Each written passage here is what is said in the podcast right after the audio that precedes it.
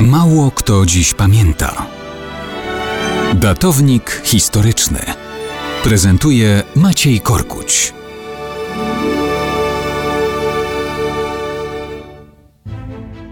Mało kto dziś pamięta o spotkaniu w Brześciu nad Bugiem, jakie miało miejsce na samym początku kwietnia 1981 roku.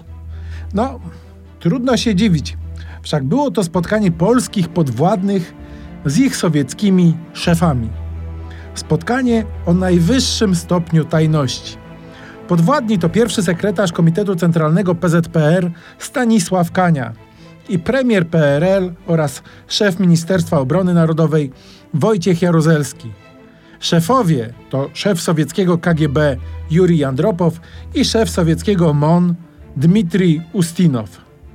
Jaruzelski i Kania potajemnie wylatywali w nocy i wracali w nocy. Spotkanie odbyło się w wagonie kolejowym na bocznicy dworca w Brześciu. Jak to ujął Andropow, chodziło o to, żeby, cytat, nie wydało się, że polscy towarzysze dokądkolwiek wyjeżdżali. Spotkanie odbywało się po tak zwanym kryzysie bydgoskim w Polsce, gdzie pobicie zaledwie kilku działaczy Solidarności spowodowało, że związek zmobilizował cały kraj do strajku generalnego.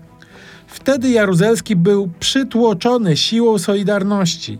Wątpił, czy w tak zrewoltowanym wolnościowymi nastrojami społeczeństwie, mając do dyspozycji wojsko z poboru, będzie w stanie samodzielnie siłą przywrócić kontrolę partii i Moskwy nad sytuacją.